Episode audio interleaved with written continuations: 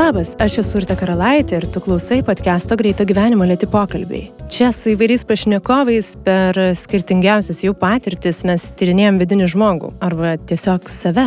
Jei podcast'ą užklydai pirmą kartą, kviečiu paklausyti ir kitų nemažiau įdomių pokalbių, kurie išeina kas antrą trečiadienį. Visus juos rasi Spotify, iTunes ir kitose programėlėse bei karalaitė.com pasvirasis brūkšnys podcastas. Šiandien kalbuosi su Andrium Grigorievu. Jį pristatyčiau kaip semiotiko ir rinkodaros stratego tandemą viename asmenyje. Šitas santykis man būtent ir pasirodė įdomus, nes Andrius geba plačiau ir giliau žvilgtelti į tarpusavio komunikacijos ir santykių įkismą technologijomis apipintojimų mūsų šiandieniniai kasdienybei. Pokalbio metu man net keletą kartų pasirodė, kad Andrius pastebi tai, ko aš iš viso nematau, kaip to dramblio kambaryje.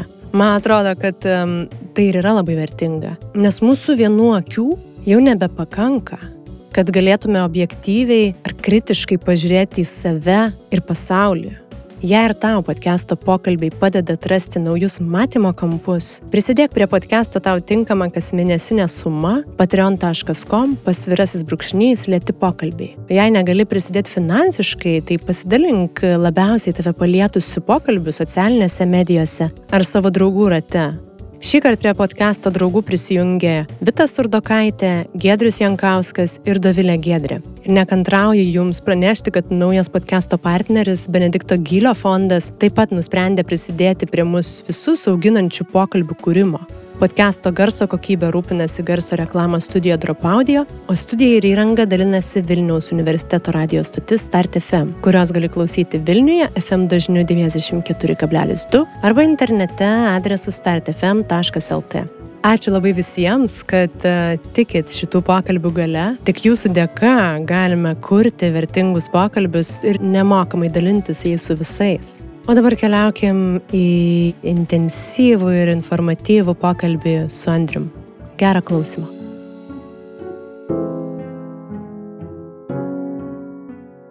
Gerai, nu toks tas rytas, tai kuo ankstyvesnis, tuo, tuo betvarkiškesnis. Dažniausiai nerite praeina. Kažkaip pašnekovai negali, ta prasme, aš tai būčiau nieko prieš. Nes aš jau va dviračio atvažiavau, tai kaip ir atsibudau, viskas gerai. Ketvirtą ryto pradėjau, tai man jau tai pusę dieną. Nu tai papasakok. Ne, nepasakosiu, ką čia pasakoti. Ne kuo tu pradėjai, bet o ketvirtą ryto čia yra įprasta? Um, ne, ne visą laiką, bet šiaip anksti pradedu. Tai bet greičiau penktą, šeštą yra.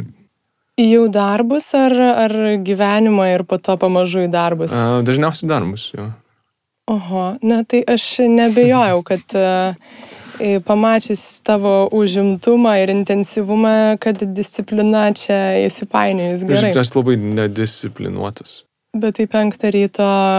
Čia ne dėl gero planavimo. Supratau, čia priešingai, dėl to, kad ne, netelpa viskas. Tai mes čia jau kaip ir pradėjom, man atrodo. A, ne? Okay. Um, keletą epizodų jau truputį anarchiją keliu ir aš nesisveikinu su pašnekovais. Mhm, puiku. Čia įdomu, nežinau, ar tu kaip semiotikas galėsi pažiūrėti į šitą, kad mano sprendimas buvo, kad maždaug klausytojui tai nėra svarbu, jam svarbu yra pokalbis. Mhm. Bet aš klausydama pati savo jau paskutinio įrašo kažkaip suklusau, kad pokalbis prasideda vat, vat nuo tokių jau kalbalų mhm. ar jau mano klausimo kažkokio. Kaip tau atrodytų, kaip klausytojas, kaip žmogus, vad girdintis iš šono pašnekėsi be pradžios kažkokios, tai ar be to mums įprasto simbolio laba diena? Mhm. Nu, man atrodo, kad čia, čia įdomesnis tavo santykis su podkasto turiniu. Turbūt ką tai pažymė, kad e, jeigu tu sakai, kad antras pasveikinimas, kuris skirtas išoriniai auditorijai, kuris skiriasi nuo to pasveikinimo, kuris bet kuriu atveju įvyksta su pašnekovu, kurį tu pasitinki ir netgi susipažįsti prieš uh, oficialią pokalbio pradžią, reiškia, kad kažkaip tai tavo skirtis tarp pokalbio ir santykio su pašnekovu yra arba neegzistuojanti, arba mažesnė negu bet kokiam kitam formate. Ne? Tu šitam mūsų pokalbį priskiri aukštesnį e, tikroviškumo laipsnį, negu priskirtum kažkokiai kitai medijos formai pavyzdžiui, oficialiai TV pokalbių ten svetainėje ar dar kažkam. Tai, tai čia turbūt vienas pastebėjimas. Tada iš klausytojo pusės, ką tai reiškia, kad uh, jeigu nėra tos oficialios pradžios, kurią mes iškarpam, sveiki, čia aš Andrius, malonu susipažinti, labas, labas. Vienas dalykas, ko jis netenka tokio oficialaus uh, manos to įspūdžio, kad jisai dalyvavo visam procese nuo pat pradžių lygiai taip pat kaip ir vedėjas, ne? Tai šiuo atveju tu turi turbūt ekskluzyvinį kažkokį santykį, nes tu visiems parodai, bet kam klausytojui, kad mes esame procese jau, kas yra nuo širdų, bet kartu yra tam tikrą prasme autokratiška. tu atskleidi, kad jo, tavo santykis jau yra gilesnis su pašnekovu ir um, truputėlį kitoks negu visų kitų vėrėjų. Turbūt A ir galbūt kitoks negu klausytojo. Galbūt tai intriguoja, galbūt tai leidžia išskirti šitą formatą nuo visų kitų, bet man rodos tie du dalykai yra visai svarbus. Kaip vienas, jau dalykai vyksta, esi pokalbio viduryje, nėra kažkokios formalios pradžios ir klausytojas nėra ten pat, kur jau esi tu teisingai padariau, kad nusprendžiau tavęs paklausti šitų išvalgų, nes vat, nu, mano sprendimai nebūtinai yra kažkokie tai įbetonuoti ir, ir čia toks eksperimentas, bet iš tiesų tai, ką tu sakai, kad aš į šitą formatą žiūriu kaip į autentiškesnį ar mhm. organiškesnį, tai iš tiesų man atrodo, kad podcastas tą ir turi ir klausytojai dažnai pastebi, kad sako, aš klausau pokalbį ir man atrodo, kad aš ant sofos kartu su jumis sėdžiu. Mhm. Tai tas vat, toks organiškas įplaukimas ar į vidurį pokalbio atrodo, va, įėjau kambarį ir čia įsiterpiau, na, nebūtinai įsiterpiau, prisėdau šalia. Jo, galbūt tas netgi, nu, atneša tam tikrų dalykų, kad e, čia labai panašiai kaip turbūt pažįstamas daugam jausmas yra, kai eini gatvė ir pro langą pamatai kažkino gyvenimo gabaliuką, ne? Tu nematai jo pradžios, pabaigos, matai tik tai, pavyzdžiui, kažkas, e, kažkas ryte geria kavą. Kažkaip dažniausiai nepamatytum ir tas turi visai kitą santykį, negu tai būtų surežisuotas epizodas. Ir e, čia labai panašiai, nu, iš tikrųjų, tai pokalbiai retai kada prasideda nuo, nuo labas, jie dažniausiai vyksta, vyksta ilgą laiką, vyksta prieš, vyksta po ir e, čia gal tas organiškesnis toksai būdas, kad tu įsiterpi įdomų pokalbį. Nugirsti įdomų pokalbį. Mhm. Mm, čia kaip maždaug stovėdamas vakarėlį ir nusisukęs nugarą, bet girdėdamas, kas už tavęs vyksta. Tai... Man e, semiotika yra toks e, labai įdomus mokslas ir čia tavo backgroundas yra, aš taip suprantu, oficialus, ar ne? Jo, e, studijavau magistrą, rašiau disertaciją, sėkmingai neparašiau. Ir man gal kas patinka čia, kaip aš suprantu, mm. kad tas mokslas studijuoja ženklų reikšmės platesniuose kontekstuose, kad mm -hmm. tai nėra tik tai žiūrėjimas į kažkokį tai vieną detalę ir ten tyrinėjimas tos detalės. Apart šito, tu esi rinkodaros strategas mhm. E, ir įsivaizduoju, kuo toks vat, platus matymas naudingas galbūt tavo darbe, bet gal galėtum pažiūrėti, ką toks mąstymas tau kaip žmogui, na, toks mhm. gebėjimas. Ne kaip specialistui. Ar kaip na. Jo, jeigu galim čia pa, pa, paskaidyti tave į gabaliukus. Na ir kasdienybėje, nežinau, ar santykiuose su žmogumi duoda. Okay. Um, gal pirmas dalykas, turbūt uh, dviejose vietose pataisysiu, uh, nes uh, mano profesorius, kas tu žinai, sako, uh, labai tą pabrėždavo, ir man iš tikrųjų aš tik tai pakankamai vėlai pradėjau suvokti tam, tam tikros atskirties prasme ir kad semiotika, iš tikrųjų, ypatingai ta semiotikos mokykla, su kuria mes dirbame, jinai um, neaiškina ženklų reikšmių, savaime, jinai bando prašyti sąlygos kuriuose žmonės priskiria reikšmės objektams, koncepcijoms, žodžiams, vaizdams, garsams.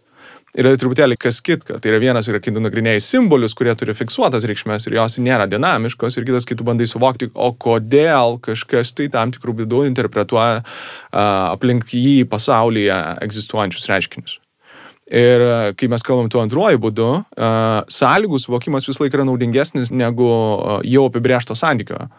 Nes kai tu supranti sąlygas, tu gali labai lengvai pradėti jom, jomis disponuoti, jas taikyti visiškai skirtingose disciplinose, transponuoti kažkur kitur, kur niekada nebūtum pagalvojęs, kad semiotika gali būti taikoma ir tai yra gerokai naudingiau. Ir turbūt būtent šitas man pravertė tiek, nežinau, kiek asmeniniam gyvenime pravertė, bet kad uh, atėjus į verslą, man buvo tikrai naudinga turėti tą visą semiotinį bagažą, semiotinio mąstymo modelius, tai aš turėjau, visą laiką turėjau skirtingą prieimą prie dalykų negu daugelis ilgai industrijoje veikiančių specialistų. Tai va, tai čia pirmas turbūt, kas paaiškintų, kodėl tai gali visai būti naudinga, tai kad kai bandai suvokti sąlygas, sąlygos ir principai yra gerokai vis laik naudingesni negu statiški apibrėžimai. Tai vienas, antras, kad turbūt aš irgi pradėjau nuo rinkodaros, taip rinkodara vis dar yra mano laukia, bet aš gerokai esu išplėtęs, aš smarkiau dirbu su su produktų ir paslaugų vystimu. Tai du pastebėjimai. O dabar, kaip man pravertė, tai sunku artikuliuoti iš tikrųjų, kaip man padėjo. Kas tikrai padėjo, kad blogąją prasme, e, kad aš disponuodavau pakankamai plačių struktūrinių žodynų, kurio niekas nesuprasdavo ir automatiškai galvodavo, kad kažką turiu geresnio pasakyti, negu iš tikrųjų turėdavau. Tas pradžioje pagelbėdavo. Aš vis dar iki šiol daugelį žmonių įbauginu tiesiog savo žodynų ir tada niekas nekvesionuoja, ką aš iš tikrųjų pasakiau. Bet principai, kuriuos aš atsinešiau iš humanitarinių mokslų, ir čia yra turbūt įdomiausia dalis. Iki šiol aš dėstau verslo dalykus ir dėstau vadovams universitetuose ir niekas nežino, kad aš turiu filologo laipsnį. Niekas nepaprašė CV atsiųsti iki šiol, tai aš labai džiaugiuosi, nes kai išsiaiškinti, tai tikriausiai nebedėstyčiau. Ką gali atsinešti humanitarinių mokslų, tai yra gerokai labiau struktūruota ir fundamentalų mąstymo modelį, negu tu gauni studijuodamas kažkur kitur, kur iš tikrųjų tu mokaisi specialybės. Dažniausiai, ką specialybė tau suteikia, tai yra suteikia gerą instrumentarijų spręsti e, apibrieštas problemas, kurios turi precedentą ir tu pasikliauji precedentų geriausiamis praktikomis išsprendi problemą. Tai yra prastas instrumentarius ir tokie mąstymo mechanizmai, kurie skirti spręsti ad hocinės problemas. Tai yra kažkas iškilo čia ir dabar, mes niekada to ne, nedarėm iki šiol, kaip man susiduroti su tokia užduotim. Iš tikrųjų, kiek yra daug žmonių, kur tiesiog nemoka operuoti tokiose neapibristose situacijose, tai turbūt čia yra pagrindinis skirtumas, ką gali atsinešti iš humanitarinio mokslo atėjęs į pakankamai tokį į tą verslo aplinką. Tai vat man semiotika turbūt tokiu būdu ir padėjo, kad aš nebijodavau neapibrieštumo ir sugebėdavau dirbti su problemomis, kurių niekas nebuvo sprendęs iki tol. Čia turbūt dažniausiai ir būdavo toks mąstymo modelių esminės sankirta, jeigu mes einame socialinius mokslus, ar tai būtų verslas, ar psichologija, ar ten verslo administravimas, jie yra labai dažnai pabrėžti precedentiniu mąstymo būdu. Tai vietoj to, kad aš tikrųjų permastyčiau problemą, aš tiesiog referuojuosi atgal, einu istoriškai, žiūriu, kaip jinai buvo artikuliuota ir sprendžiama prieš tai, ir tada pagal tai sprendžiu, kokie veiksmai būtų tinkamiausi man čia ir dabar. Mes čia tik padarėme reklamą humanitariniam mokslam. A. Man įdomu, iš tiesų pastaruoju metu tai visai toks konfliktas vyksta, ar ne, ir humanitarai jaučiasi nuvertinti ir gal ir yra iš tiesų, na, ypatingai dabar technologijų amžiuje, kai tarsi rinka reikalautų, vat, tų specialybių, kaip tu sakai, mm. kažkokių tai jau aiškių gebėjimų ir va tas platus ar kažkaip gilesnis pažiūrėjimas atgal ar į platesnius kontekstus nebūtinai yra įvertinamas. Tai čia kažkaip gerai iš tavęs išgirsti tokius punktus, kuo iš tiesų gal realybėj gali talkinti, aš nebejoju humanitarų jėga, bet norisi tą įžodinti kartais čia truputį tada gal jau norisi prišokti, tu dirbi daug metų su ir skaitmeniniais produktais įvairiais, ar ne? Daug metų turbūt būtų skambu. Aš, aš Kas labai padariau vėlyvą uh, karjeros posūkį, aš buvau akademikas iš esmės. Nu, aš gyvenau, rašiau disertaciją, dėšiau Vilniuje, dėšiau Tartu ir Talinę. Uh, tai buvo mano, turbūt 80 procentų mano gyvenimo. Aš ne, ne, labai mažai vykdžiau kažkokios komercinės veiklos ir jinai apsiribojo, mes tik tai dėstymų papildomų dalykų. Uh, už universiteto ribų. Ir aš, e, manos, dabar esu 5-6 metai, kai tik tai uh, pasikau verslo keliu, o užsinorėjau labai pritaikomumo ir praktiškumo. Kažkada man įgėlė kažkokia bitė ir aš galvoju, kaip vis tai galima būtų panaudoti ir aš noriu pradėti taikyti taikyti ne, ne teoriniams traktatams, o kažkam, kas gali padaryti poveikį pasauliui. Kaip tu matytum, kad keičiasi įprastos reikšmės iki šiol buvusios įprastos skaitmeniniam pasaulyje ir koks čia galbūt pasimetimas yra. Manau, sudėtingi darosi labai tokie fundamentalūs dalykai, su, sudėtingai suvokimi. Nu, pavyzdžiui, jeigu mes kalbėtume apie draugystę, santykius, mirtį žmogaus, sėkmės faktorių, kas yra sėkmė ir kaip jie yra dabar transformuojasi, visi šitie dalykai transformuojasi ir pasidaro kompleksiniai, kai mes turime visus naujus kanalus, turime skaitmeninio gyvenimo dalį, turime naujus komunikacijos formatus. Ir kiekvieno iš tų dalių atsiranda daug labai kurioziškų situacijų. Tarkime, nuosavybės klausimas, kai žmogus miršta, komunikacijos klausimas ir jo paskirų valdymas, kai žmogus ne, nebėra šiam jo nėra, kažkas kitas už jį komunikuoja, rašo paustus, kas tada atsitinka, kaip mes pradedam mąstyti apie, apie tai, ką paliekame, pavyzdžiui, po savęs, ne, kiek sugeneruojam turime, kam jisai priklauso. Iš esmės žmonės nebedingsta. Dažniausiai artimieji turėdavo visą laiką tokią ekskluzyvinį prieimą prie žmogaus turto. Įsivaizduokite žmogaus minčių, dienoraščių, nuotraukų Visa tai dabar yra, kas tai yra sociumo dalis, niekaip neištrauksi ir praktiškai neištrauksi daugelio dalykų iš interneto, viskas, kas ten yra sugulę, dažniausiai lieka. Internetas yra masinės kapavietės, kurios turi daugybę pėdsakų, kurie praktiškai niekada galbūt ir neišnyks. Santykiai tarpusavio, kas yra draugas, kas yra tikras draugas, kiek tikram draugui reikia tikrumo.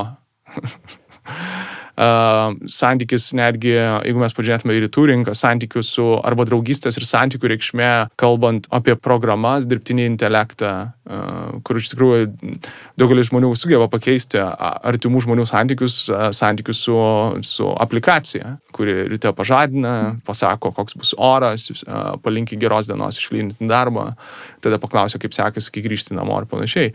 Tai įdomiausia turbūt, kas vyksta ir kas e, man pačiam yra pakankamai smalsu, yra kaip patys fundamentaliausi dalykai, e, kurie visą laiką buvo pakankamai aiškus, iš tikrųjų keblėja, bet kai tu esi toj, e, kai tu kasdieną esi paniręs technologijas, tu, tu labai retai kada susimastai apie tos kritinius lūžio taškus.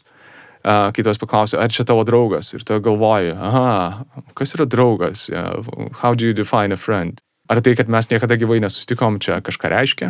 Ar, ar yra svarbu, pavyzdžiui, kad uh, žmonės susidraugavo vien tik skaitmeninė erdvėje, ar pradeda santykius joje, ar tai kažkokios turi įtakos po to, kaip jie bendravo tikram pasaulyje, ar tai apibrėžia jų kažkokias perspektyvas, ar, ar, ar, ar, ar tarpusavio in, kasdienės interakcijas.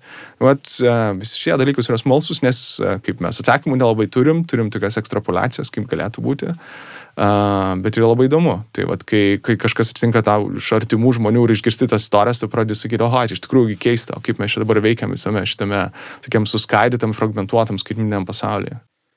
Na, skaitmininis pasaulis iš vienos pusės galima pasakyti, kad yra na, paprastesnis negu realybė. Jis ir mūsų svajonės kažkokias e, gali išpildyti, mūsų norai tampa įsakymais, žinai, mygtuko paspaudimu, ar vat, aš norėjau su kažkuo draugauti, tai aš pasifrendinau ir netgi tai įvyko.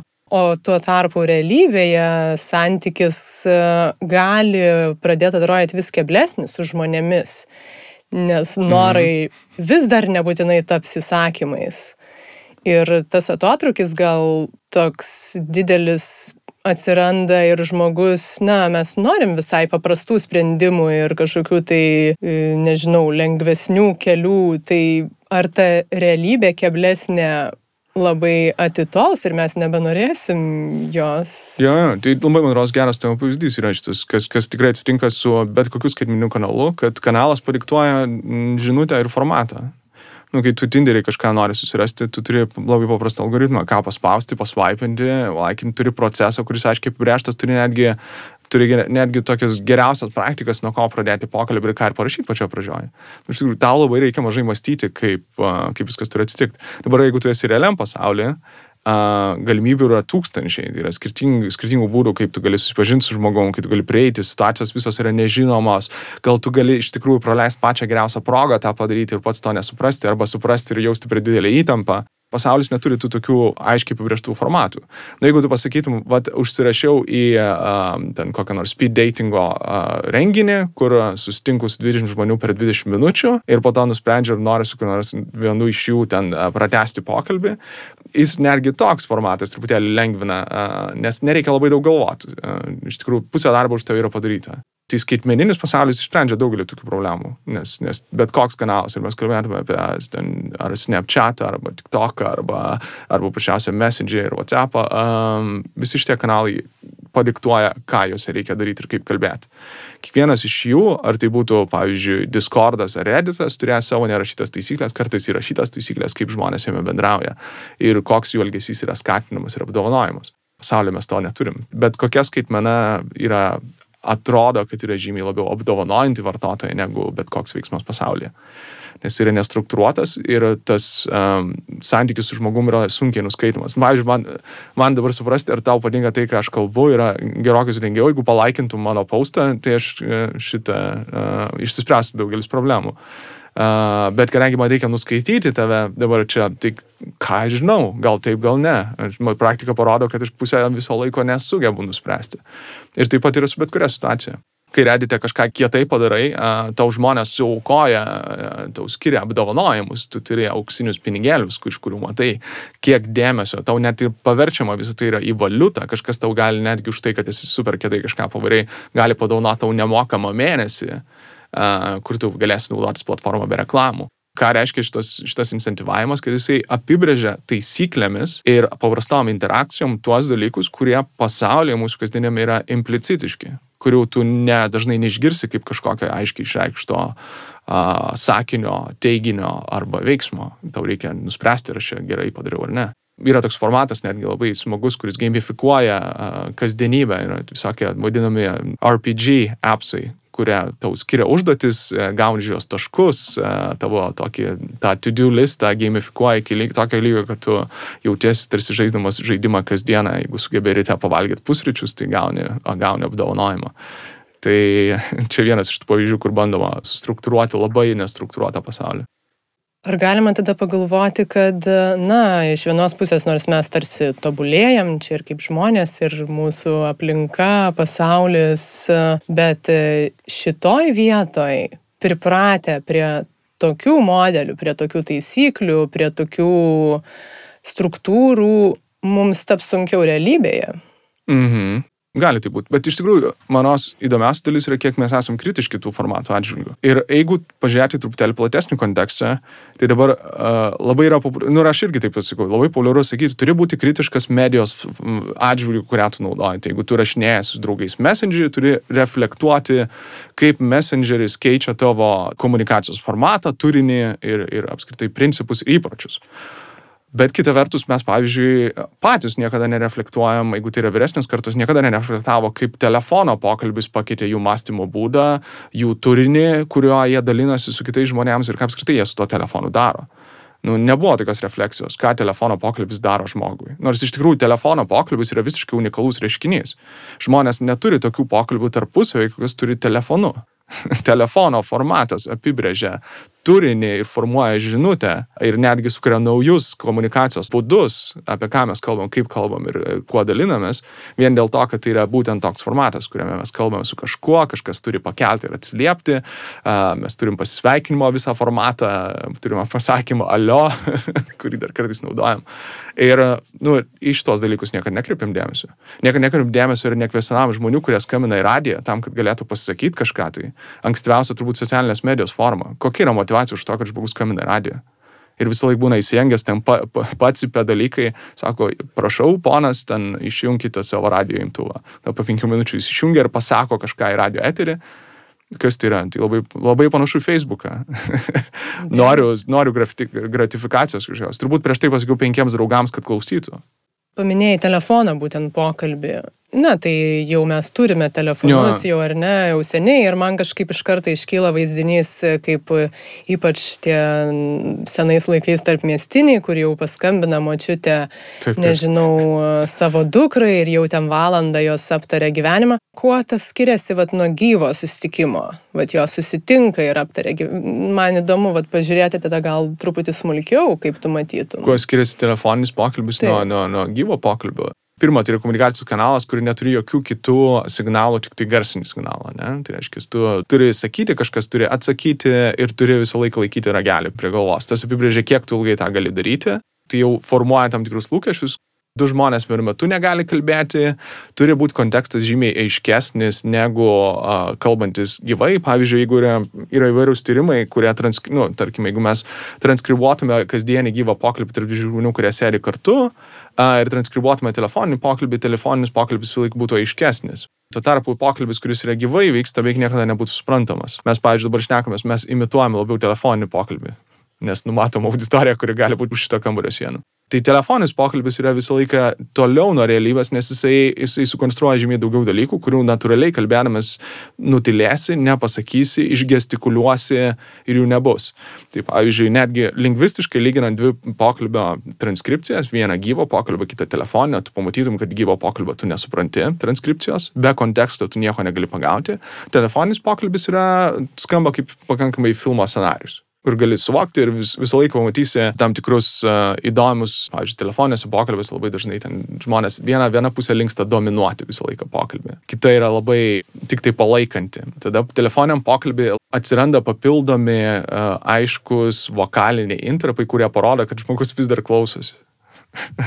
tu, pažiūrėjau, tu dabar linkteli galvą vis karts nuo karto, tai aš suprantu, kad dar neatsijungiai, bet uh, jeigu mes telefonu kalbėtumės, tu turėtum išleisti garsą kažkokį, kad aš vis dar suprasčiau, kad kažkas vyksta, kas labai keistai e, skambėtų gyvai. Kad kurie žmonės tą daro ir gyvai, bet daugelį atvejų užtenka kontaktų akių, užtenka gestikulacijos, užtenka galvos linktelimo ir mes suprantam, kad tu vis dar sėki tai, ką aš kalbu. Tai va, tokie netgi mikro dalykai atsiranda visiškai va tame formate, kuris pradeda evoliucionuoti. Ir tai jis evoliucionuoja, atsiranda pokalbiai, kurie trumpi, atsiranda į pokalbio formatai, kurie yra skirti niekam kitam, tik tai pasitikrinti, kaip sekasi, kas, nu, neegzistuoja, tu arba kalbėsi, nėra tokio dalyko, kur ateini, kaip tau sekasi, viskas gerai, ką šiandien veikia, ate. Ir tas pats atsitinka su kitom priemonėm. Tai, pavyzdžiui, Messengerį mes kalbame tokiu būdu, kurio nekalbėtume gyvai. Atsiranda sinchroninė komunikacija, kur mes pradedam manipuliuoti dviejomis komunikacijos formomis. Tai yra trumpąją, kur norim iššaukti, kad kažkas mūsų iš karto atsakytų. Ir ilgąją, kur žinom, kad niekas neatsakys, tada reikia daug priberti teksto, kad žmogus suvirškintų ir tada priimtų sprendimą ir atsakytų mums kažką. Tai, tai mes, pavyzdžiui, to nežinodami, iš tikrųjų, du, dvi komunikacijos turime Facebook'o Messengerį. Mes turime komunikacijos formatus, kurie skirti išprovokuoti atsakymą. Ir ir komunikacijos e, formatus, kurie skirti yra suteikti daug informacijos e, sprendimo prieimimui tokiai asinchroniniai komunikacijai, kuri nevyksta tuo, pačiu metu, kur aš e, iš esmės maišau tam tikrą elektroninio pašto formatą ir maišau to impulsinio provokavimo formatą. Tai vėl atsiranda labai įdomu, mes tada, tai, pavyzdžiui, messengeris reiškia jau yra radikaliai kitokia forma, kur yra, turi skirtingas taktikas kasdienė bendravimu.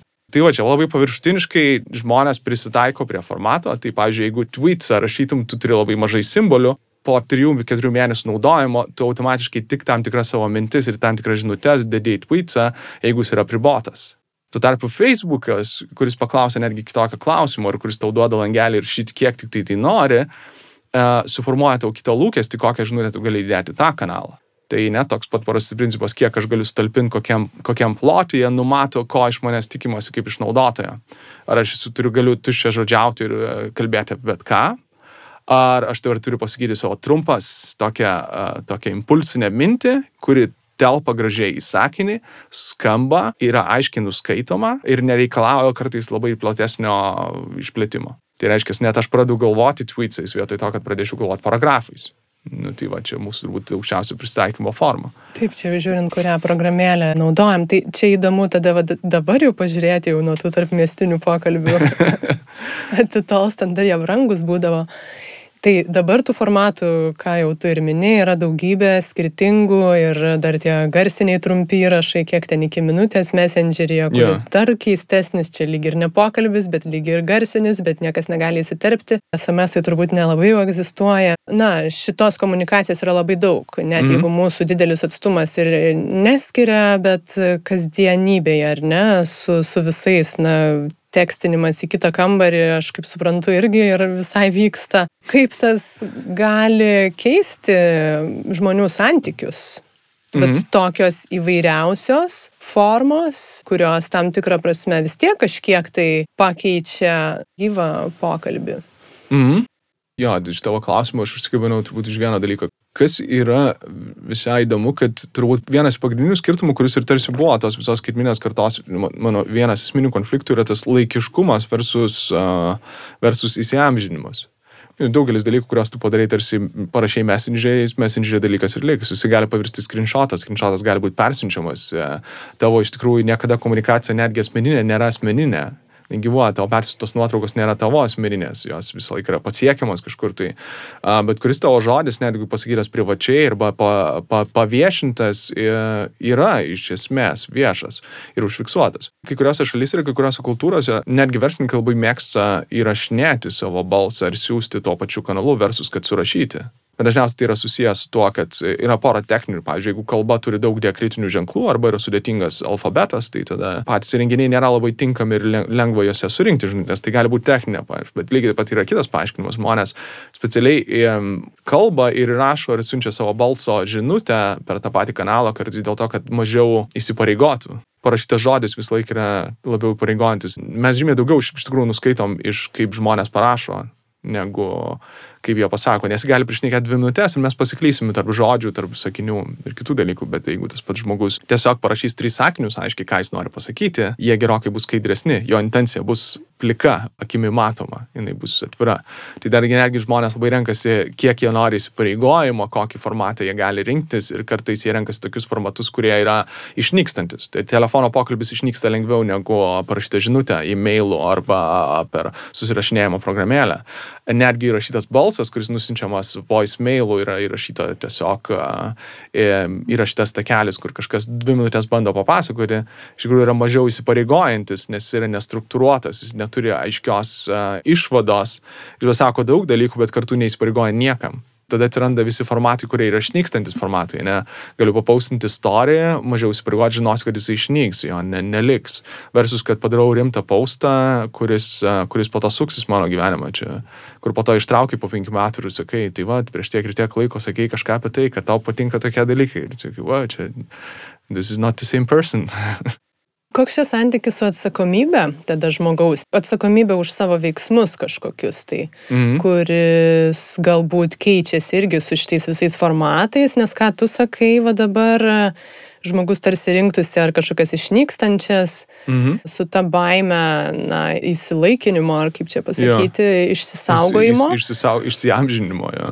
Ir kai, kai tarpininkauja technologijos visur, tai mhm. tai bet, na, daug kur Tai kas, kas turbūt keičiasi, kad uh, esi labiau įpareigotas savo praeities komunikacijos, nu, kad visą tai yra nu, kas istorinis archyvas, kuris randamas apie tave, kuris gali būti kažkokiu būdu pasiekiamas. Man visą laiką buvo įdomu, kiek žmonės, nu, toksai klausimas, kurį aš niekad tai moksliškai nenagrinėjau, bet man visą laiką buvo, kiek žmonės gali keistis ir pavadinkim netrauminių patirčių atžvilgių. Nu, kiek radikaliai per, per pavyzdžiui, penkis metus gali žmogus pasikeisti. Nepatirdamas kažkokį labai didžiulį išorinių dirgiklių, tiesiog eidamas vienokiu ar kitokiu keliu. Um, ir dabar įsivaizduokim tą patį pokytį, kuris įmanomas prie penkis metus ir kaip jisai vyksta, kai tu žinai, kad bet ką, ką padarys prie penkis metus, jie visą laiką liks tavo asmeninis archyvas internete ar kažkur kitur. Kad jisai pasieks žymiai daugiau žmonių, negu bet kada pasiekdavo tavo asmeniniai veiksmai. Nes anksčiau tai mes tą, turbūt politikai būdavo tokia vienintelė vat, viešųjų asmenų forma, kuri, kuri visą laiką neždavosi ant, ant pečių, nu, ten TV laidų vedėjai, ne, tokio pre-internet era, uh, kurie neždavosi savo veiksmų pasiekmes labai ilgą laiko tarpą. O dabar beveik viskas yra labai panašiai. Bet kuris iš mūsų viską, ką mes pasakysime, vienokio ar kitokio būdu išliks. Ir tada pradeda galvoti, tai uh, kaip aš turiu pradėti formuoti save ir savo įvaizdį ir savo žodžius, uh, tam, kad uh, po to tai kažkaip nesikirstų ir neprivatų galbūt manęs. Arba aš pradedu kaip tik tai virtualiai konstruoti save. Mano skaitminė persona tokia visą laiką būna kažkokia keista. Pasižiūrėjusi kokią nors socialinės medijos uh, srautą, pasižiūrėjus, kad kaip viskas atrodo taip pat, panašu, atrodo visi masto vienodai, vienodus dalykus sako, visi kitas manos yra pasiekme to, kad Uh, net negalvojant ir neflektuojant, ateini į skaitmeninę erdvę ir persijungi savo skaitmeninę personą kas uh, nebūtinai yra sąmoningai daroma, bet tikrai daroma, nes tu jauti spaudimą. Tai yra pasieks daugiau žmonių, negu bet kada būtų bet kokio penktadienio vakarėlio pokalbėje uh, pasiektas žmonių skaičius. Uh, jisai viešas, semi viešas ir jisai ten gyvens ir tunos ir plūduriuos ilgą laiko tarpą. Tai va, tai pasiekmė galutinė yra ko, kad tu tarsi esi A įkalintas savo skaitmeninės, tos skaitmeninės personos dalies, tada pradedi su ją visai kitaip dirbti, Ir turbūt netgi laikui bėgant, aš manyčiau, kad gal viena iš pasiekmių potencialiai galėtų būti, kad tu netgi esi, e, turi mažiau galimybių pasikeisti, negu kaip asmenybė viena esi prilaikoma savo visų skaitminių artefaktų. Čia, žinai, sako, jeigu nuvažiuoji į naują šalį, niekas tavęs nepažįsta, gali bet kuo būti ir yra pasikeisti žmogų ir gerokai lengviau. Bet kai sutinki savo mokyklos suolo draugus, universiteto bendrakursius ir kolegas, jie visą laiką ant tavęs užmeta tą senąjį tu, kurio tu buvai ir su jį negali pabėgti. Tai čia labai panašiai atrodo šitą funkciją, labai, labai gerai perima šitas skaitmeninis pasaulis. Bet iš kitos pusės galvojant, na, jeigu aš, tarkim, nusprendžiau kažkokį formuoti savo įvaizdį skaitmeninėse erdvėse, na, tarkim, aš esu maisto mylėtoja ir dabar rodysiu, kaip aš mėgaujuosi tuo maistu ir apie tai rašysiu, bet už pusės metų aš nusprendžiu, kad dabar aš jau esu sportinių automobilių mylėtoja, aš galiu visą tą iki šiol, na, turbūt didžiąją dalį, žinai, ištrinti ir staiga urte visiškai yra kitas žmogus. Jo, bet netgi tai sunkiai vyksta. Kiek dabar labai jokingų istorijų, kai būna e, e, vegetarinio blogo e, ten savininkas arba savininkė netyčia yra pastebima kavinėje valgantį žuvį arba mėsą. Ir tada koks yra, kokio lygio skandalas, kai tu esi laik, laikomas įkaitų tos to nuoseklumo, kurį esi pats susikūręs. Paimkime populiariausius kanalus. Jeigu tu ten dirbi su Twitch'u, dirbi su YouTube'u, dirbi su Facebook'u, dirbi su LinkedIn turiniu, tu esi visur kaip tos platformos dalyvis ir apdaunojamas už nuoseklumą ir dažnį kuo dažniau ir nusekliau tu darysi ką nors, tuo būsi labiau apdaunotas. Apdaunotas sėkėjais, apdaunotas matomumu ir visais kitais. YouTube tu negali net savaitės iškristi atostogauti. YouTuberiai negali net atostogauti, nes algoritmas yra sustarytas prieš juos. Jie praranda pusę savo auditorijos aktyvios, jeigu išvaro atostogų ir neturi turinio paruošto tai daliai užpildyti. Ir kas atsitinka, tu esi incentivuojamas kurti nuoseklumą ir nuoseklumas ten tampa visiškai imperatyvų, nori tu ar nenori. Kai tu keitiesi, kai tu nori daryti naujus dalykus, kaip sistema tave nubaudžia, jinai nubaudžia, kad tu prarandi viską, ką buvai sukūręs iki tol. Labai paprastai. Ir tada, tada visai kitaip pradedi žiūrėti tą nuoseklumą ir pradedi jo labiau įsikipti, jeigu tu nori sėkmės tose platformose. Pradedi daryti dalykus, kurie yra vardo nuoseklumo, dažniausiai nevardant žinutės čia kaip yra turbūt labiausiai piktinės reiškinys, yra, nu, kad kiek yra tikrai originalaus turinio, pavyzdžiui, profesionalų bendruomenės, ten kokiam linktinė, kur yra skirta visiškai verslo atstovams. Tai yra, kad dasprauti kažko, kas yra verta dėmesio, o ne kopijos kopija, yra pakankamai sunku. Tai yra turbūt net blogesnis kanalas už Facebooką turinio atžvilgiu. Manos tampame nuseklumo įkaitais Ir tada, kai rizika yra padidinama, tu turbūt esi disincentivuojamas ir, ir pradedi labai galvoti, ar tikrai man verta keisti tą kryptį. Jeigu tu realiam gyvenime viską mestum ir mestum dažniau, tai čia tas tavo nuseklumas yra tavo sėkmės kaip ir kriterijus. Ir dabar prisiminiau, truputį susumuojant tą, ką mes čia viską apkalbėjom. Viename iš paskutinių pranešimų tu sakai, kad e, mūsų mąstymas visgi nespėja paskui tas naujoves ir technologijas. Nes čia tarsi viskas taip lėkia ir mes irgi lėkiam ir, ir nežinau, visas platformas ir priemonės ir appsus, viską bandom ten sugriepti. Tai gal čia galėtum pakomentuoti ir kas čia tuomet vyksta su žmogum, jeigu jisai, na, jo sukurtos priemonės yra greitesnės iš tiesų negu, mm -hmm. negu jisai pats, mąstymas jo. Vienas iš dalykų tai yra, kad nėra labai tokios uh, aiškiai apibrieštos ir praktikos ir disciplinos, kuri kritikuotų įrankius, kuriais mes naudojamės. nėra tokio viešo diskurso formato. Nu, tai jeigu tu gauni naują telefoną, tai geriausiu atveju, ką gauni jo ergonomiškumo analizę ir jo ten naudingumo.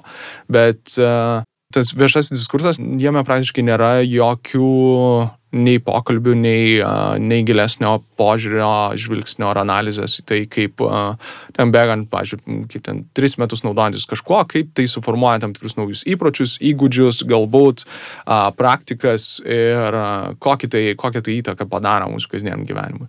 Tai žinoma, manos, vienas iš tokių pakankamai trūkstamų dalykų dėl, dėl tos tezės, kad uh, mes nelabai spėjom paskui technologijas, tai atsiranda iš to, kad uh, mes adaptuojamės formatus greičiau, nu vis bandome suspėti, vis naudojamės naujais formatais ir um, greičiau tampame jų įkaitais, negu suprantame, kaip jie pakeičia mūsų kasdienį elgesį. Pripratimo laipsnis, manos, yra pakankamai didelis ir um, kažkas yra arba cool, arba ne cool. Ne? Čia yra vienintelis va, toks kritinis žvilgsnis į kažką. Tai Manos kokia problema dar egzistuoja, kad uh, ypatingai didžiulė įtaka uh, įvairios um, tiek uh, programėlės, tiek, ten, pavyzdžiui, ta pati rinkodarinė komunikacija, tiek bet kokie skaitminiai, skaitminiai erdvėje vykstantis veiksmai visą laiką turi labiausiai pažeidžiamiausius visuomenės grupėms. Tai, pavyzdžiui, tai jeigu mes kalbame apie pažeidžiamas socialinės grupės arba žemų pajamų socialinės grupės, jos yra iš tikrųjų paveikiausios visam kam, kas vyksta skaitminėje erdvėje. Manipulacijai, pardavimui, disinformacijai, pripratimui, kompulsiniam, impulsiniam elgesiui. O čia dėl ko tu sakytum, taip yra kritinio mąstymo? Nežinau, tai vienas turbūt e, kritinis mąstymas, pradinė edukacija, jeigu visa tai yra mūsų kasdienio gyvenimo įrankiai ir niekaip, nu, be to mes tikrai jau ne, neįsivaizduojam pasaulio, ne? niekas iš mūsų netikė, kad po dviejų metų nebeturėsim visų šitų įrankių. Bet dar, jeigu tu pažiūrėtum, kokie dalykai yra dėsmo mokyklose, internetas arba skaitmininės medijos ir elgesys su jomis ir visi kiti reikalai, nu, ne, ne, kažkaip nedominuoja, nei kaip dalykas, nei kaip turinys, nei kaip tema. Nors to tarpu tie patys vaikai jau naudojasi elektroniniais dienynais, ne, jie yra, apie juos yra komentuojama tose dienynuose, jie gauna kasdieninį atgalinį ryšį vos ne kas savaitę, ten mokytai parašo. Jau geras tokiam pasauliu, kuris yra labai sustruktūruotas, labai skaidrus, e, iš tos pusės, kad, e, nu, jeigu ten dar e, prieš, nežinau, kokių 10-15 metų, ar kiek čia būdavo, dar galėdavai ištrinti iš pažymų knygelės dalykus ir rašyti kitus dalykus, turėdavai tokį. Tai dabar uh, viskas yra hiperstruktūruota, uh, atgalinis ryšys labai aiškus, viskas yra skaidru ir visos šalis informuotas apie viską, kas vyksta. Šitas pokytis įvyko, su jo vaikai auga, gauna vis daugiau skaitmeninių įrankių, tas struktūravimo poreikis pas juos yra pakankamai aukštas. Tai, pavyzdžiui, mados vienas pagrindinių konfliktų, kuris ištinka jaunus žmonės, kai ateina į darbo vietą, kad darbas kaip tik labai yra nestruktūruotas nes tu užaugi jau, pavyzdžiui, jeigu tu augi mokykloje, kuri naudoja ten elektroninius dienynus, aplikacijas ir visus kitus dalykus, turi motivacinės sistemas, kurios yra skaitmeninės, atsiranda universitetai, kurie po truputį irgi pradeda tą patį mentalitetą adaptuoti, tai reiškia pritaikyti įvairiausias programas, tas vadinamas onboardingo programas, gamifikacijos, turinio programas, kur tu viskas skaidriai gauni, gali pasirinkti, kas tau yra aktualu ir būti apdovanotas už savo aktyvumą ir viskas irgi vėlgi yra sustruktūruota, yra aišku, darau tai, gaunu tai, apdovanojimas su tuo. Ir atinėjai į darbą ir tada darbe kol kas viskas dar labai nestruktūruota nežinau, kas važiuoja į konferencijas, kas nevažiuoja, su kuo čia reikia būti draugauti, su kuo nereikia draugauti, kaip čia pakilti karjeros laiptais, niekas man nedavė kažkokio tai lygių, žinai, sąrašo, čia pirmas levelis, antras levelis, trečias levelis, kaip čia, kaip čia daryti, ką daryti, ko nedaryti, kaip aš čia turiu suktis. Ir jauni žmonės tas sunkiau supranta tuos dalykus, kurie mums buvo labai aiškus. Ateini darbo vietą, ten turi išsikovoti savo vietą, turi susikurti santykius, turi pradėti išsiaiškinti, kaip, kas yra svarbu ir taip toliau, bet viskas yra tau nepasakoma ir impliciška. Tai dabar, man Maros lūkesčiai yra labai yra smarkiai, tokiam yra ryškiam konflikte su tuo, kaip tas saugusių pasaulis yra vis dar nestruktūruotas, tarp paauglių ir vaikų pasaulis yra hiperstruktūruotas. Sąlygos aiškios, struktūra yra, procesas yra skaidrus. Tada saugusių pasaulis yra visas, viskas yra uh, kažkokie debesis, rūkas, neaišku, ką daryti, kaip, kodėl, už ką, kas apdonas, kodėl jis, kodėl ne aš. Tai šitie dalykai sudėtingi. Tai va, aš žinau, kad nukrypau. Ne, ne, bet... labai gerai, bet čia pribėga ir man gal ir įdomu tada beveik pratesti, tu tarsi prieš pastatai dabar skaitmeninį kažkokį tai produktą ir žmogiškiesiam faktoriam. Mes suprantam, kad žmogiškųjų faktorių tos socialinės skaitmeninės erdvės, ar tie produktai mums nesuteikia, nežinau, rūpeščio, artumo, gal kažkokias mm -hmm. truputį feikinės, tik tai iliuzijas. Na, negalima to kompensuoti technologijomis, bet kaip tą galbūt siekia padaryti produktai, nes aš čia galvoju, pavyzdžiui, ir apie SEO ir tekstus, pavyzdžiui, kokie Wixai, jie labai yra draugeliai tavo. Ta prasme, kaip tu gali formuoti yeah kokiu produktu tu nori būti, žinai, ar tu esi rimtas ir pagarbos reikalaujantis, ar tu esi savekas ir mes čia kartu viską bendrai darome. Mados kiekviena komunikacijos forma yra, turi manipulacinį tokį visą laiką. Mados skirtumas yra, mm, ar mes romantizuojam kažkokią komunikacijos formą ar ne. Pavyzdžiui, jeigu kalbėtume rašyti laiškus, vienas kitam, tai čia, o, čia yra, būtų kažkokia autentiškiau ir tik, tikresnė draugystė, rašant, pavyzdžiui, per Atlantą, siunčiant kažkokiam tai savo tolimam pažįstamui laiškus, susirašinėjant ir būnant laiško draugais. Visą laiką romantizuota, autentiška, tikra, ne? Tuo tarpu uh, rašyti per messengerį vienas kitam, nepažįstant vienas kito žinutės, tai jau kažkokia yra žemesnė draugystės forma, kuri gali būti iškreipta, netikra, neautentiška. Daugelis dalykų atsitinka, kad uh, nu, mes pagal savo pasaulė žiūrį legitimizuojam tam tikras komunikacijos formas, nuvertinam kitas. Nors šiaip atrodytų romantiškumo faktorius nei vienam, nei kitam dalykė nėra labiau. Ten gali būti, nežinau, tau gali laiškus rašyti ir kalinys iš, uh, iš, iš Lūkiško kalėjimo sakyti, kad įsimylėjo arba apsimes kažkuo kitur. Sakyti, tai bus laiško formatas ir tai bus fizinis laiškas iš voko ištrauks, jis bus labai autentiškas ir šiltas, bet jis nėra nieko geresnis negu, negu surašinėjimas messengerį. Tai man įdomu yra tai, kad jo, manipulacija gali vykti, gali vykti bet kuriam formate, bet kuriam komunikacijos e, kanale ir formate. Ir įdomiausia dalis yra ta, kad iš tikrųjų skaitmeniniam pasaulyje uh, skemai kokybiškėja. Apgavystės yra kokybiškos. Daugelį atvejų kokybiškos tiek, kad net gali nepykti, kad tave bando apgauti. Nes turiuomenį iliuzijos laipsnis toks yra aukštas, išdirbimas labai geras, tekstai yra geri, uh, suformavimas viso, viso pagrindo. Nu, pavyzdžiui, turbūt vienas iš jų būtų dropshipinimas labai geras pavyzdys. Puikiai atrodančios e-komercijos svetainės, kur atrodo viskas yra sudėliota gerai, kartais geriau negu mūsų didžiųjų prekių ženklų. Viskas sklandu, paprasta, nusipirku, gaunu pliauską, nors norėjau vandens motociklo. Uh, nu, kodėl? Todėl, kad uh, tai pastatyta ant perpirkinėjimo, pardavinėjimo ir neturėjom apskritai jokio produkto, tiesiog turint, uh, pasigaunant impulsinio noro vedina interneto lankytoją kažkuriam taške, jį atvedant iki tos produkto prekės kategorijos, kuris norėtų įsigyti. Jeigu turi nugaros skausmus ir ketvirtą ryto negali užmigti ir užsiraunti ant reklamos ir tada nusipirki čiūžinį iš, iš kokios nors Kinijos provincijos, nu, tai tu esi vienintelis pats esi kaltas, kad šitoje situacijoje atsidūrė. Bet tas nuoširdumas, santykis, visą kitą gali būti emuliuojamas visur, internete, man atrodo, tai kokybiškėja, nes uh, yra tokie, tos, tos bendrosios heuristikos yra pakankamai paprastos. Daugelis mūsų sprendimų, kuriuos mes priimame tiek parduotuvėje, tiek sėdėdami namuose ir besirinkdami kažką yra impulsiniai. Kol mes priminėsim impulsinius sprendimus, tai mus galima apgauti bet kokią komunikacijos formą bus ir išnaudoti tą. Ne tik turbūt su apgavystėm arba su santykiu yra susiję. Kaip Raineros anksčiau būdavo pigių skrydžio avialinijos, viskas faina, nelabai patogios, nelabai fainos, bet gali pigiai nuskristi, viskas yra gerai.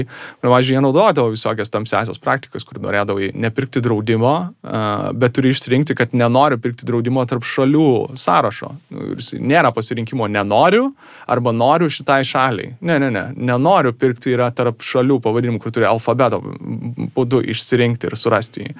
Nu, tai uh, yra tokių dalykų, kurie atsitinka dėl to, kad mes žinom, kaip žmonės priminėja sprendimus, kad jie yra impulsiniai ir kad žmonės stengiasi kognityvinius savo resursus tausoti, bet mes galim to pasinaudoti Tai yra vienas kelias, kitas, kad sukurti tą artimą santyki praktiškai gali visur. Mes galim sukurti tą artimą santyki. Japonijoje žmonės moka už paslaugas, kurios simuliuoja draugus ir, ir mylimuosius. Ir tai išsprendžia dalį jų problemų. Ir jie daugelį atvejų išpildo tas rudimentinės funkcijas, ko, ko trūksta. Nežinau, kaip su ilgalaikė psichologinė sveikata ir kitais dalykais, bet uh, tokie dalykai egzistuoja ir yra. Verslas ir, na, rinkodaristai tikrai be galo daug apie mus žino ir nori žinot kuo daugiau, vat, kad tu sakai, ir, ir tie impulsiniai sprendimai, ir, ir čia galvojant ir apie tą vartotojo kelionę žemėlapį, kad jie numato, kaip mes mhm. reaguosime ir kažkokias galimybės, ir kad ir kaip kritiškai mastant aš pati žinau, nors ir bandau save stebėti, mhm. visiškai pripažįstu ramę sąžinę, kur mane čia prigavo ir taip toliau. Tai čia gal įdomu, vis tiek tu dirbi su tuo. Mhm. Kaip tu pats veiki kasdienybėje ir kaip tau sekasi kritiškai dalyvauti tame? Mhm. Man visa šita tema tokia, nu, distopinė atrodo, ne? Yra žmonės priima tam tikrus sprendimus, e, kartais nukerta kampus, kad paprašiau juos priimtų, reiškia, mes žinodami tos principus galime juos išnaudoti ir tada parduoti daugiau. Ne? Dažniausiai mąstymo būdas yra toks. Ką aš įsitikinau per savo tą tokią ne visai ilgą karjerą, kad visai gerai, kad tai nėra tiesa. Ir tai nėra iki galo tiesa. Reiškia, kad neužtenka tau tik tai suformuoluoti tos principus, kurie pagauna vartotojo jo silpnumo akimirką ir ant to pastatyti sėkmingą ilgalaikį tvaro verslą kad ne, taip nėra. Tu gali padaryti laikiną apgavystę, gali eksploatuoti savo vartotoją, bet tai niekada neves prie ilgalaikės vertės. Man rodos buvo labai toks iš visai kitos industrijos, mėgstu šnekėti ir apie žaidimus ir žaidimų industriją. O vienas pavyzdys buvo toksai žaidimas Destiny, pirmas ir antras. Ir kuo jisai išsiskyrė rinkoje, kad jie labai su psichologais labai ilgai dirbo, su neurospecialistais, bandydami suprasti, kokios taktikos ir mechanikos labai užkabina žmonės ilgiau žaisti ir leisti kaip ir daugiau pinigų pinigų tam žaidimui. Įdomioji visa šita dalis ir pamoka, kad nepaisant to, kad jie sudėjo tas visas taktikas, jie sukonstravo viską, kad jis būtų labai adiktyvus uh, žaidimas, bet labai prastai išdirbo turinį, scenarijų, istoriją ir to turinio neturėjo pakankamai ir juos bendruomenė žaidėjų tiesiog suvalgė gyvus. Tai kol jie nepraėjo visą išpirkimo kelionę ir kol jie, kaip sakant, nepasivijo su turinio dalimi ir turinio išpildymu, tol jie turėjo labai prastus vertinimus, tol jie turėjo prastus rezultatus, tol jie turėjo bendruomenę, kuri buvo labai toksiška ir nuolatos jos atakavo ir labai turėjo prastus rezultatus iš kiek žmonių liko su to žaidimu po pirmųjų ten 60 valandų. Ir pamoka paprasta, kad gali, gali taikyti, kurias nori, visas įmanomas taktikas, bet jeigu neturėsi gero turinio, neišpildysi fundamentaliai savo produktinio pasiūlymo, tai turėsi tik tai labai trump, trumpalaikį, yra toks žodis, išsikešinimą, tai galbūt pinigų užsidirbsi, tai, bet tai niekada neves prie tvaraus verslo vystymo. Ir man tai visą laiką yra paguodžiantis tokie pavyzdžiai, kad nėra viskas taip blogai, kad neužtenka vien tik tai eksploatuoti žmonių. O impulsinius, tai jo, aš labai panašiai kaip tu lygiuosi, aš žinau, kad darau impulsinius sprendimus. ir uh, kartais yra lengviau, uh, lengviau susigyventi, bet aš juos darau tik tam tikrų kategorijų atžvilgių. Ir kaip žinai, visi žmonės leidžia pinigus skirtingai skirtingoms kategorijoms. Aš, pavyzdžiui, galiu būti ypatingai jautrus kainai kažkokioje kategorijoje, o kitur aš savavališkai pasiduodu įtikinėjimui ir impulsiniams veiksmams ir visiems kitiems. Bet uh, tą savo silpnumą aš taip uh, konstruktyviai esu savo įsivardinęs ir, ir, ir savo leidžiu kaip išlyga, kad va šitoj kategorijoje, šitoj vietoje aš galiu savo leisti taip elgtis. Ir nepadeda čia nei būti nei, nei semiotikų, nei rinkodaros specialistų, nei kažkuo kitu. Vis tiek daugelis tuo pačiu principu veikia vienodai. Aš tai turiu visą laiką tokią patį pasakymą. Mąstyti skauda ir taip stengiasi mažiau mąstyti dažnai savo dienos bėgė. Dėl to, kad stengiasi mažiau mąstyti ir pats duodi dažnai. Tas yra fundamentaliai teisinga bet kokios auditorijos, bet kokios šalies ir kultūros atžvilgiu.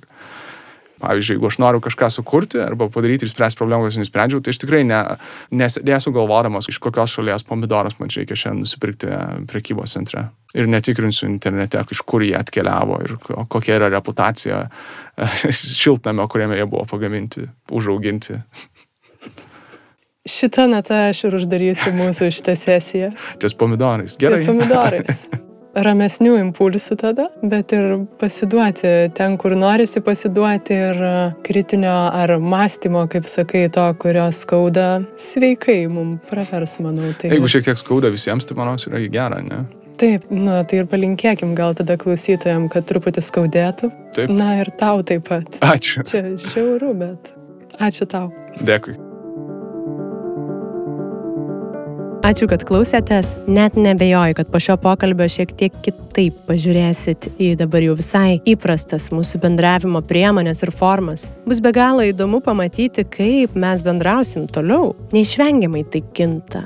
Bet man atrodo visai svarbu suprasti, ką tokie besikeičiantys formatai palieka mūsų santykiuose.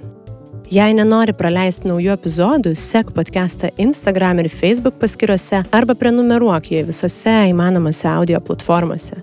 Beje, jei tau patinka podcast'o pokalbiai, palik atsiliepimą Facebook ar iTunes platformose. Ir priminsiu, kad podcast'ui visų jūsų prisidėjimas yra tikrai labai svarbus, tad jei tai gali, prisidėk tau tinkamą kasmėnesinę sumą patreon.com pasvirasis brūkšnys lėti pokalbiai. Arba tiesiog dalinkis tau labiausiai patikusių pokalbių socialiniuose tinkluose. Tai jau tikrai labai daug. Podcastą remia Benedikto Gilio fondas. Pokalbis įrašytas Vilniaus universiteto radijos stoties Start FM studijoje. Start FM gali klausyti FM dažniu 94,2 ir internete adresu startfm.lt. Ačiū visiems, samoningesnių jums impulsų. Su jumis podcastas Greito gyvenimo lėti pokalbiai ir aš, Urte Karalaitė. Iki kitų kartų.